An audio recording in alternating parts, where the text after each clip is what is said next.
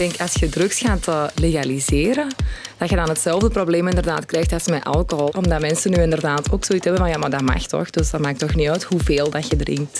Ja, ik nodig je uit om een dagje bij mij te komen meelopen. Alcohol is absoluut geen softdrug. Als we zien hoeveel problemen dat daar uh, gepaard mee gaan, hoe moeilijk dat die aanpak daarachter zit. Ik merk in mijn vriendengroep dat mensen veel minder snel bijvoorbeeld drinken en rijden. Dat dat echt iets is dat veel minder voorvalt. Dus dat je daar eigenlijk het omgekeerde ziet. Maar wel meer coke. Ket, bollen, speed en vooral veel kook. Drugs lijken overal te zitten. Elke week komt er wel een schietpartij een aanslag in het nieuws, vooral in Antwerpen dan. En tegelijkertijd heb je bands die open en bloot kook snuiven op het podium. Zijn er dan echt zoveel meer drugs in de omloop dan vroeger? En waarom is een lijntje snuiven zo normaal geworden? Vandaag zitten er drie gasten bij mij aan tafel. Eva, Lisa en Lore. Welkom. Eva Blomme, jij bent onderzoeker aan de UGent. Ja, dat klopt. En ik doe onderzoek naar drugsbeleid en meer specifiek eigenlijk de evaluatie van het Belgisch drugsbeleid. Interessant. Lore Mijnendonks, hi, welkom. Jij hebt zelf drugs gebruikt in het verleden? Dat klopt. Ik ben uh, verslaafd geweest aan drugs en ik ben uh, tegen het legaliseren van drugs. Ja. En dan hebben we nog Lisa van Genechten. Jij begeleidt mensen met een verslaving. Klopt, ik werk uh, voor CAWR Kempen bij Team Verslaving en ik ga aan de slag met mensen die een ja, verslavingsproblematiek hebben of met de context daarvan. Sommige mensen willen strenger straffen, maar is dat wel de oplossing? Dat hoor je in deze aflevering van Snapt je mij nu? Een podcast waarin ik, Aurélie Boffet, met jullie in gesprek ga over de dingen waar we van wakker liggen. Welkom.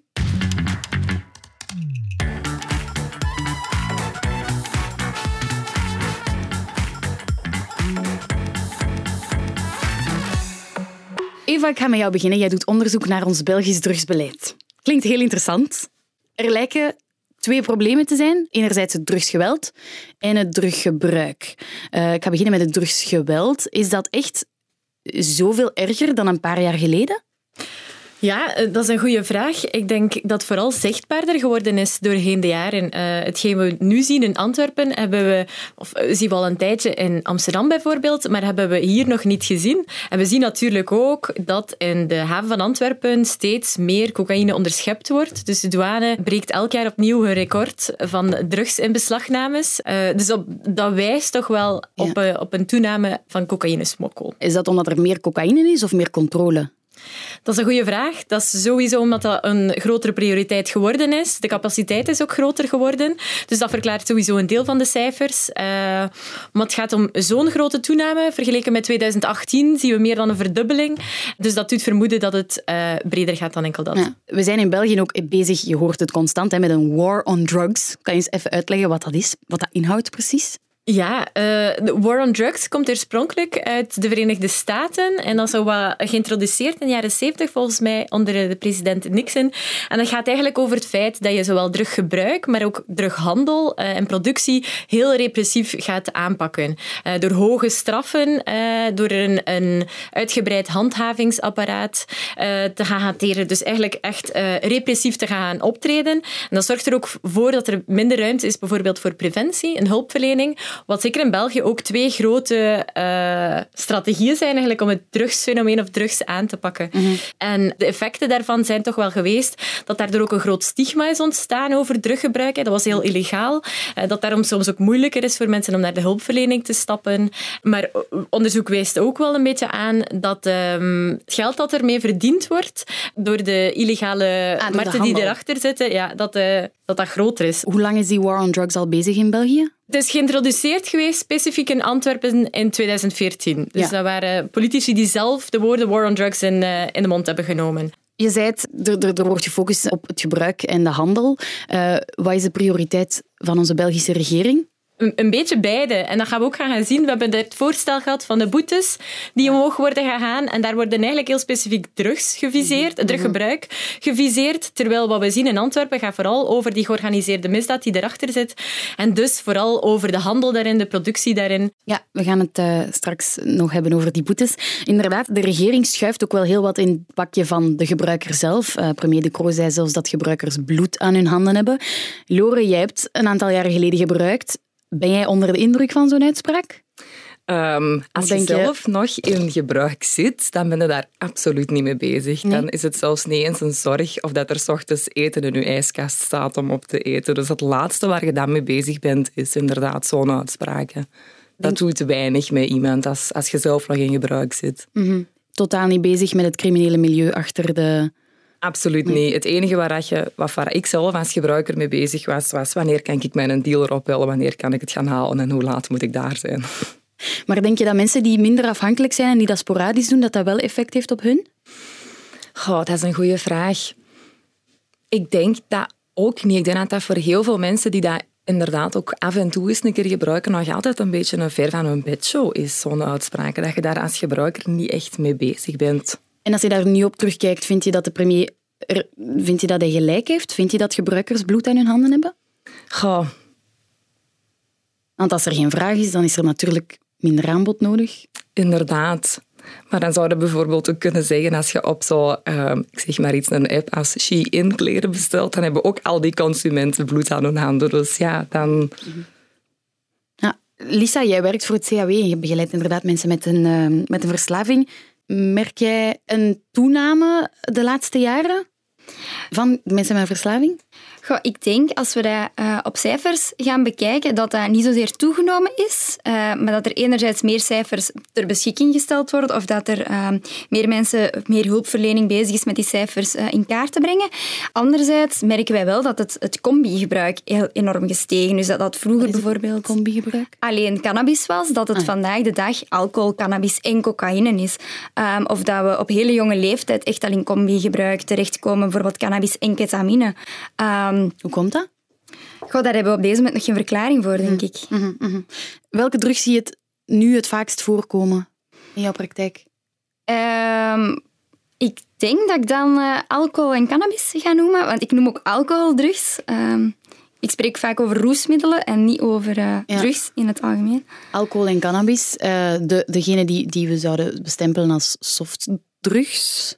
Ja, softdrugs is een term die ik niet graag in mijn mond neem. Hè. Ehm, omdat als we, ja, als we dat inderdaad zo zouden zien, dan zou alcohol ook een softdrug zijn. Terwijl, ja, ik nodig uit om een dagje bij mij te komen meelopen. Alcohol is absoluut geen softdrug. Als we zien hoeveel problemen dat daar uh, gepaard mee gaan, hoe moeilijk dat die aanpak daarachter zit, uh, zou ik liever niet meer spreken over softdrugs en harddrugs. Mm, mm, mm. Dus daar zie je wel een, een, een een verschil. Jij ziet het meeste alcohol- en uh, cannabisgebruik, maar de grootste bezorgdheid van de regering is nu precies wel cocaïne. Vind je dat dan een juiste prioriteit?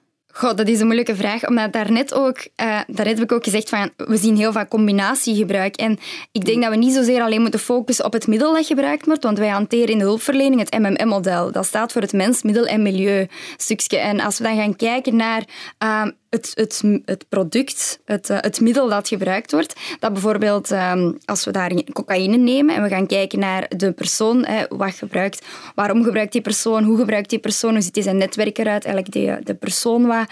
Um, gaan in kaart brengen. En we gaan gaan kijken in het milieu dat je zich bevindt. En je komt er eigenlijk op uit van, ja, oké, dat is een persoon die vrij stabiel is, die werkt, een gezin heeft, um, een stabiele relatie, zijn huur kan betalen, die gebruikt frequent pakt dan ja, één keer in de maand of in het weekend uh, een lijntje cocaïne, um, maar die heeft eigenlijk geen uitval op andere levensdomeinen.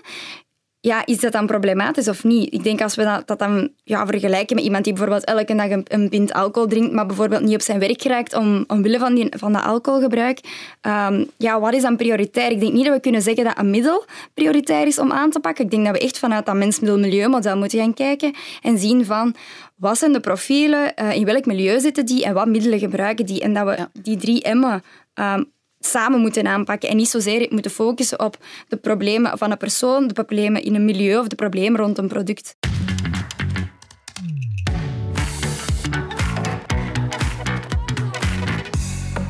Eva, hoe groot is het drugsprobleem in ons land? Um, als het gaat over specifiek gebruik, dan is het misschien interessant om daar een paar cijfers bij te uh, uh, vermelden. Omdat wanneer dat al die problemen in Antwerpen uitkomen, dat mensen denken van oeh, cocaïne, iedereen gebruikt cocaïne. Maar um, uiteindelijk, uh, de laatste gezondheidsenquête die er geweest is, zegt dat 1,7% van de Vlamingen het afgelopen jaar cocaïne gebruikt heeft. En als je dat even vergelijkt met cannabis, dan zit cannabis op 6% en zit alcohol op 78%. 20 procent. Dus in dat licht is dat uiteindelijk een vrij relatief, of een relatief kleine groep.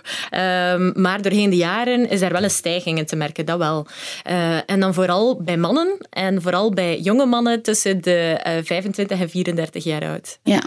Alcohol is natuurlijk legaal. Ik kan me wel inbeelden dat mensen makkelijker gaan zeggen dat ze een pint hebben gedronken versus dat ze een lijntje hebben gesnoeven. Ja, ja, op zich wel. Het blijft natuurlijk moeilijk om die in kaart te brengen. Hè. Mhm. Eh, het blijft iets illegaal. Het is heel moeilijk om mensen te doen praten over illegale praktijken. En in criminologie heet dat dan dark number, number. En dat is zeker ook aanwezig bij illegale drugs.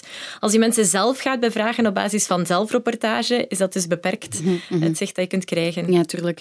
Um, er is dus een nieuwe strategie voorgesteld door uh, minister van Justitie Vincent van Quickenborne van Open VLD.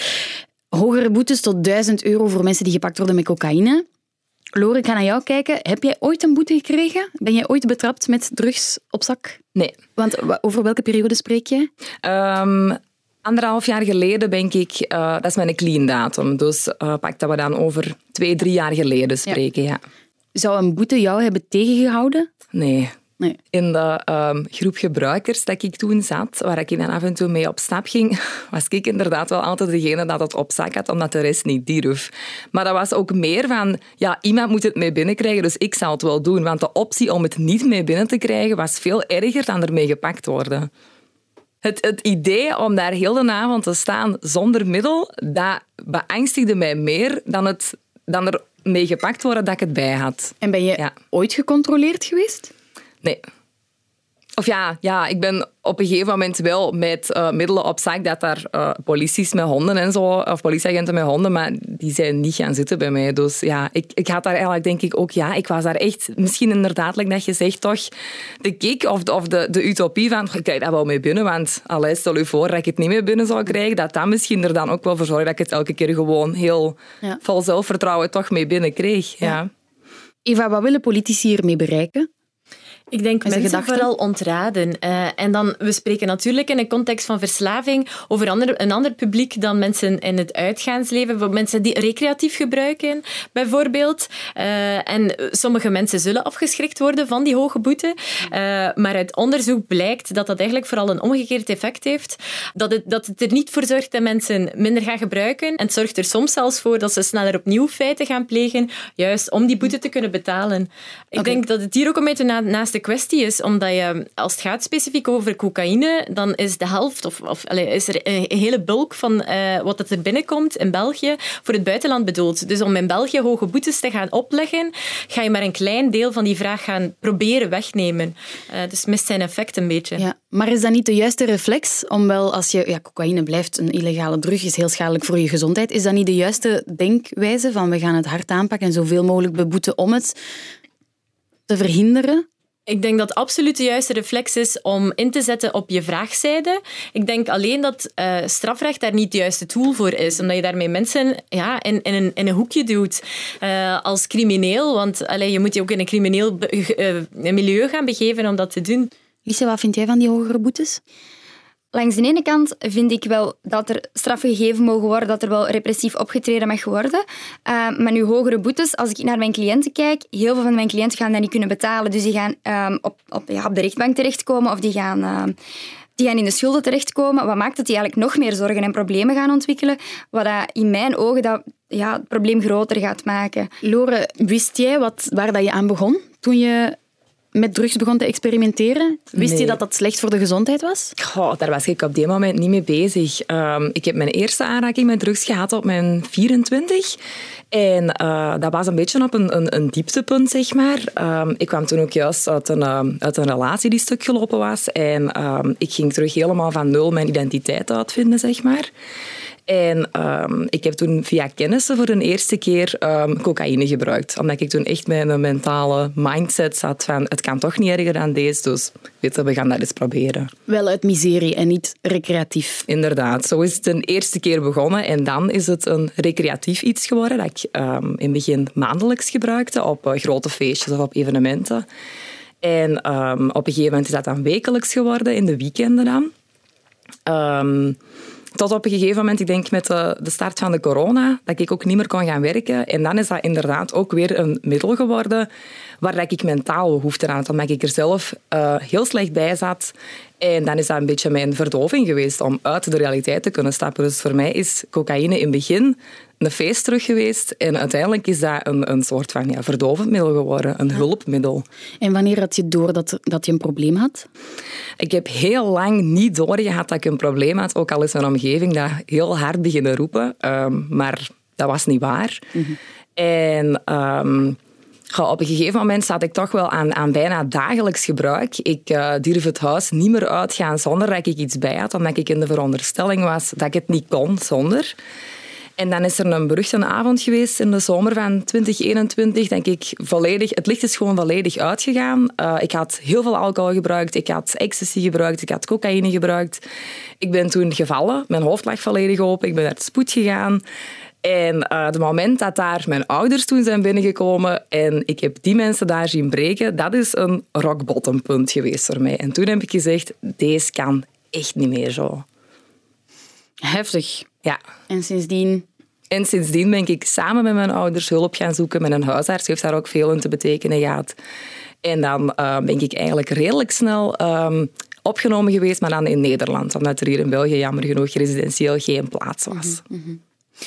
Denk je dat je die rock bottom nodig had om eruit te geraken? Of had je er op een andere manier ook ik had die rock bottom heel zeker nodig om eruit te geraken. En het is inderdaad jammer dat dat zover moet komen. Maar ik denk dat heel veel van mijn lotgenoten op dezelfde manier pas beseft hebben dat het inderdaad niet meer zo verder kon. Want er zijn een aantal momenten geweest daarvoor dat ik ook al had geprobeerd om te stoppen, maar dat is nooit gelukt. Dus ergens had ik nog altijd nog meer te verliezen om te beseffen dat het eigenlijk zo niet verder kon. Dus vanaf het moment dat je zo het punt bereikt van hier heb ik echt niks meer te verliezen, ik zit echt op het laagste, ik denk dat heel veel mensen dat nodig hebben om te stoppen als je zo ver in verslaving zit. Ja.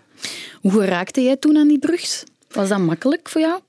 Um, op zich wel. Eigenlijk in, van waar ik vandaan kom, was dat vooral ehm, mond-aan-mond reclame. Um, dat was gekende iemand dat ook gebruikte. En als je iets nodig had, dan vroeg je aan die persoon en je hebt jij nog een gsm-nummer van een dealer dan. en op een duur hadden ze zelf een stuk of vijf telefoonnummers waar je altijd naar kon bellen als je iets nodig had. En dat was dan meestal binnen het half uur dat je die kon bereiken, dat je het kon gaan halen en je werd vertrokken. Is dat nu nog steeds het geval? Ik, ik, ik hoor dat wel. Je, je ziet de koppen wel passeren van uh, cocaïne komt sneller aan de deur dan een pizza via Uber Eats. Is, uh, merk jij dat ook, Lisa, in de praktijk? Ja, als ik verhalen van mijn, uh, van mijn cliënten hoor, dan bijvoorbeeld op, op Snapchat is dat een hele populaire. En je voegt gewoon mensen toe, zitten in een groepje, dat verdwijnt ook, dus ze laat heel weinig sporen na, wordt gewoon aan de deur geleverd. Soms hoor ik echt hallucinante verhalen dat ik denk, oh, um, ja, in wat voor een wereld zijn we uh -huh, terechtgekomen uh -huh, als het over drugs gaat? Oh, ik merk vooral... Um qua leeftijd aan, want ehm, mijn vrienden die zijn allemaal 28, 29, 30 jaar, die zijn er allemaal bang van.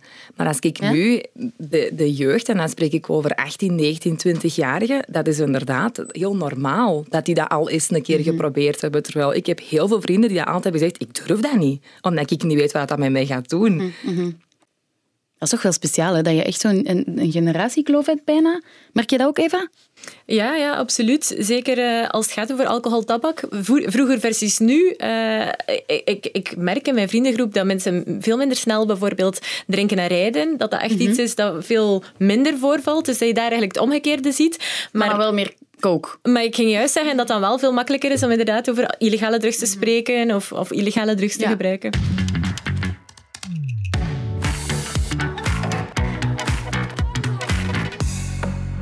Wat is er eigenlijk legaal in België? Wat is de situatie in België? Want ik dacht dat cannabis in een heel kleine hoeveelheid voor persoonlijk gebruik legaal was. Blijkt dat dat dus niet zo is. Ja, dat is sinds 2003 uh, eh, dat er een onderscheid in gemaakt is. Ja. Um, als in, uh, allez, illegaal, je hebt legale drugs, als in alcohol. Hè, dat is een grote die soms vergeten wordt. Tabak en zo pijnstillers en zo. Hè, psychoactieve medicatie. En dan illegale drugs.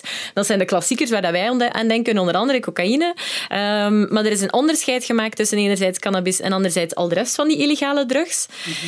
En het onderscheid uh, bestaat niet in het feit dat het niet meer strafbaar is. Dus, is, dus beide zijn nog steeds strafbaar. Maar uh, aan cannabis voor persoonlijk gebruik, dus in kleine hoeveelheden, uh, wordt niet meer verder vervolgd. Of heeft eigenlijk de laagste vervolgingsprioriteit. Ja. Dus dat wil zeggen dat je nog steeds vervolgd kan worden, maar dat het, aangezien het la de laagste prioriteit heeft, um, in de praktijk quasi niet gebruikt. Niet, niet gebeurt. Maar dat gaat dus enkel als dat 3 gram cannabis of één plant dat je hebt staan. Uh, en als je niet voor openbare uh, overlast zorgt, bijvoorbeeld, of geen andere verzwarende omstandigheden, dat er geen kinderen bij zijn, bijvoorbeeld. Er wordt vaak gezegd, hè, als, als het gaat over die discussie uh, over cannabis, wordt er vaak gezegd dat het bij cannabis begint en dan dat je overstapt naar hardere drugs. Dat is de, de, de stepping stone-theorie. Lisa, geloof je daarin? Uh, ik geloof dat daar zeker een basis in ligt. In die zin van, wij noemen dat zelf een springplank. Hè. Uh, zowel alcohol als cannabis uh, zijn springplankdrugs of ja, middelen. Uh, wat wil ik daarmee zeggen? Dat vaak begint dat heel onschuldig op een, op een, op een feestje, is met iemand uh, mee een joint roken um, of buiten na school op de bankjes hangen en eens meedoen. En dat, dat begint eigenlijk allemaal heel experimenteel, wat dat op zich voor, voor tieners heel normaal gedrag is. Hè. Um, de grenzen wat aftasten, is het legaal, is het illegaal, zo, mag ik dat doen of niet? Heel spannend, heel experimenteel. En voor heel veel tieners stopt het daar ook wel echt. maar het zijn net diegenen, als we dan even terug naar een mens-milieumodel komen, die daar en uh, problemen hebben in het mensstukje. Ik zal nu maar bijvoorbeeld zeggen uh, personen met ADHD, ehm, die dat eigenlijk nooit echt goed in hun draai hebben gevonden, heel, um, ja, zich ook wel heel onrustig voelen en die, die roken dan heel onschuldig die een joint met, met hun vrienden mee, zien we van, oh, dit, dit heeft effect op mij, positief effect op mij. En het zijn net die mensen die dat er heel kwetsbaar in zijn. Mm Lore, denk jij dat legalisering mensen gaat aanzetten tot gebruik of niet? Oh, ik sluit me daarbij eigenlijk helemaal aan bij hetgeen wat Lisa net gezegd heeft. Um, ik denk, als je drugs gaat uh, legaliseren, dat je dan hetzelfde probleem inderdaad krijgt als met alcohol. Heel dat, dat uh, metaforisch gevaarbord, dat gaat daarvan weg. Omdat mensen nu inderdaad ook zoiets hebben van, ja, maar dat mag toch? Dus dat maakt toch niet uit hoeveel dat je drinkt. -hmm. Het, het, voordeel is dan wel, Eva spreekt me tegen, dat je het wel beter kan reguleren, dat je er regels op kan zetten, dat je weet waar het vandaan komt. Is dat ooit denkbaar in ons land? Ik denk dat daar op dit moment heel, heel weinig draagvlak voor is, om te beginnen. Uh, en dat de grootste vraag dan gaat over hoe dat je dat überhaupt zou doen. En daar is er heel weinig onderzoek naar, want nog geen enkel land heeft dat gedaan. Er zijn enkel een paar voorbeelden als het gaat over cannabis. En dat is een ander type drugs dan cocaïne natuurlijk. Maar er zijn wel ehm, landen waar dat ze gedecriminaliseerd hebben. En daar moeten we wel een onderscheid in maken. Kan je dat eens uitleggen, het verschil tussen legaliseren en decriminaliseren? Absoluut. Uh, decriminaliseren is het middel, dus drugs, eigenlijk gewoon uit je strafrecht gaan halen. Um, doordat dat niet meer in dat crimineel milieu zit of, niet meer, uh, aan, of dat je niet meer beschouwd wordt als crimineel, maakt de stap om hulp te zoeken wat gemakkelijker. Maar zelfs de stap daarboven naar uh, allez, sensibilisering en preventie echt, kun je daar veel verder in gaan. Mensen durven al amper spreken over gebruik, dus hoe kan je dan eigenlijk goede preventie gaan opzetten. Dus op dat vlak, dat is echt wel een groot voordeel van die decriminalisering. En dat is ook waarom dat er heel veel organisaties eh, in ons land daar ook wel echt voorstander van zijn. Ook binnen een Belgische context is dat snel herhaalbaar, omdat je nu op dit moment al met die cannabis bijvoorbeeld een soort, soort van de facto criminalisering hebt, als in er wordt nu al geen gevolg aangegeven, of dat is toch het beleid. Maar ik heb ook interviews gedaan met mensen die in, in met, de, met de botten in de praktijk staan, eh, om het zo te zeggen. En daar wordt wel nog vaak aangehaald dat de, uh, het feit dat drugs of drugbezit eigenlijk nog steeds strafbaar is, dat dat een voordeel heeft, omdat dat ergens ook een beetje een stok achter de deur geeft. Niet iedereen ziet in dat ze een probleem hebben, komen dan in contact met justitie, politie en via die weg worden ze voor een eerste keer doorverwezen naar de hulpverlening, wat misschien op dat moment niet veel gaat doen als er geen intrinsieke motivatie is, mm. maar misschien wel binnen twee jaar als die rock bottom uh, bereiken bijvoorbeeld en uh, iets aan hun probleem willen doen, dan hebben ze alles in dat contact gehad. Mm-hmm. Maar als je puur naar onderzoek gaat gaan kijken, dan zijn er eigenlijk heel veel voordelen van decriminaliseren om eigenlijk je, ja, je bestaande preventie en hulpverlening gewoon wat meer slag slagkracht te geven. Mm -hmm, Ja, het is het en-en verhaal. Ja. Hè? ja. Lisa, wat vind jij ervan? Goh, ik denk dat we daar al wel klein stapjes uh, in gezet hebben. Om dat dan echt decriminalisering te noemen, is misschien uh, veel gezegd. Maar uh, wij als hulpverlening werken ondertussen al heel nauw samen met justitie. Wij merken alleen dat het soms um, heel lang kan duren tegen dat er, um, ja, dat er iemand moet voorkomen of dat er iemand opnieuw um, voor, voorgeleid wordt voor een raadkamer. Wat maakt dat die, dat die molen om hulpverlening op te starten soms heel lang blijft aanslepen. wat we dan ook nog zien, is dat de hulpverlening ook gewoon dichtslipt. Mm wij botsen op wachtlijsten, wat maakt dat wij op de eerste lijn heel vaak met mensen moeten werken die daar eigenlijk opgenomen moeten worden. Of die daar eigenlijk ja, toch psychiatrische problemen bij hebben of toch wel psychologische, echt intensievere psychologische hulp nodig hebben. Wij krijgen die mensen daar dan vaak niet. Vind je dat er te veel wordt ingezet op repressie uh, en te weinig op dan hulpverlening? Ik weet niet of daar effectief te weinig op ingezet wordt. Ik denk um, dat de dingen... Te weinig middelen, als ik het zo hoor. Te weinig, ja, of te weinig zichtbaarheid. Kan het misschien ook wel gewoon zijn. Dat repressie is heel zichtbaar. Um, en ja, ik blijf ook wel van mening dat dat voor een groot deel nodig is. Omdat er geen, dingen van straf, allee, geen gevoel van straffeloosheid mag ontstaan. Uh, maar daarnaast moet er een goede doorstroom zijn van die repressieve acties naar hulpverlening. En moet ook ja, evenveel middelen ingezet worden op dat preventiestuk. Lore, heb jij de hulp gevonden die je nodig had? Um, ik ben in de eerste plaats uh, bij mijn huisarts geweest. Um, en die heeft me dan inderdaad verteld um, dat ik wel op een punt zat om mij te laten opnemen, dus residentiële hulp te gaan zoeken. en ik ben, ik denk dat ik vier weken heb moeten wachten op een intakegesprek. maar dat was in Nederland, omdat er in België nergens plaats was. Ik heb rechtstreeks inderdaad naar um, afkeerklinieken gebeld gehad. En in het eerste gesprek werd mij daar al duidelijk gemaakt dat er wachtlijsten waren van zeven tot acht maanden en zelfs twee maanden om nog maar een eerste gesprek te kunnen hebben. Dus je dus... komt van een situatie waar je elke dag gebruikt en jezelf in, in, in die kliniek belandt. En dan moet je vier weken wachten op een intakegesprek? Ja, dat was waar ze mij daar aan een telefoon uh, even duidelijk hadden gemaakt. Hoe was dat voor jou? Dat was heftig. Dat is, dan zat ik klaar om mijn telefoon om te draaien en terug in lijn te leggen als je zoiets hoort. En het ook best wel moeilijk is om een hulpvraag te stellen. Ene keer als je beslist van het is goed geweest. Waarom moeilijk? Persoonlijk om erover te geraken bedoel je? Persoonlijk moeilijk omdat Goh, ik, ik heb het altijd wel moeilijk gevonden om hulp te vragen. Dat je echt moet zeggen, van, ik kan het niet alleen, help mij, ik vind dat best moeilijk. Mm Maar dus wel makkelijk te vinden, die afkikklinieken? Gewoon uh, ik te weinig plaats? Ik heb het via mijn huisarts inderdaad gevonden, want ik had er zelf alleen no offense, maar ik had nooit van, van Lisa in Drughulp en CAW gehoord. Ik wist niet dat dat bestond. Zo, zo, um, ik ben daar ook nooit geraakt bij hun. Ik ben echt rechtstreeks naar de residentiële hulp gegaan. Maar ook omdat het nodig was voor mij. Dus, uh... ja. Wat moet er dan gebeuren om, om dat wel zichtbaar te maken? Wat zou er dan kunnen veranderen? Lisa? Oh, ik denk dat wij daar elke dag uh, onszelf vragen bij stellen van wat kunnen we meer doen om onszelf te profileren. Ik denk, ik zit hier vandaag en dat, ik vind dat voor mij, ik ben daar enorm trots op dat ik hier vandaag mag zitten als hulpverlener vanuit het CAW. Om toch echt wel ja, ergens ook in de picture te zetten van uh, kijk, wij zijn er ook en wij willen ook wel echt helpen. Um, maar ik denk dat dat ook een hele moeilijke is, want wij kunnen niet overal zichtbaar zijn en wij, wij zijn ook nog altijd de hulpverleners die met de mensen aan de slag moeten gaan. Dus wij hebben ook ja, de tijd niet, om het zo maar te zeggen, om overal met de, met de vlag te staan um, zwaaien.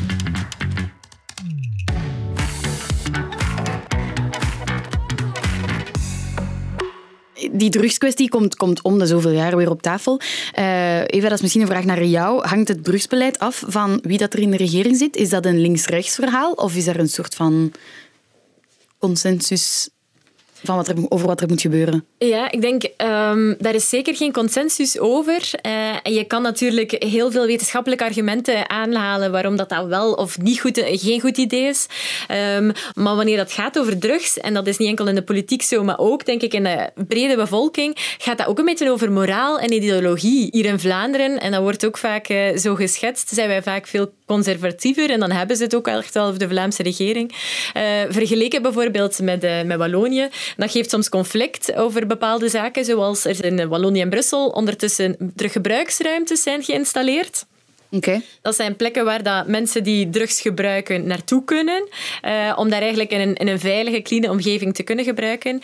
Uh, dat is iets dat heel gevoelig ligt op politiek niveau en ook in Vlaanderen moeilijker erdoor raakt dan, uh, dan bijvoorbeeld in mhm. Wallonië en Brussel. Wij voeren eigenlijk ook wel um, een harm reduction beleid. Okay. Um, in die zin van dat, dat wij ook mensen aansporen, omdat we weten, niet iedereen wil daarmee stoppen. En als wij beginnen met een eerste gesprek en we gaan hier nu vandaag bekijken hoe jij gaat stoppen, dan zien we die mensen geen tweede keer terug.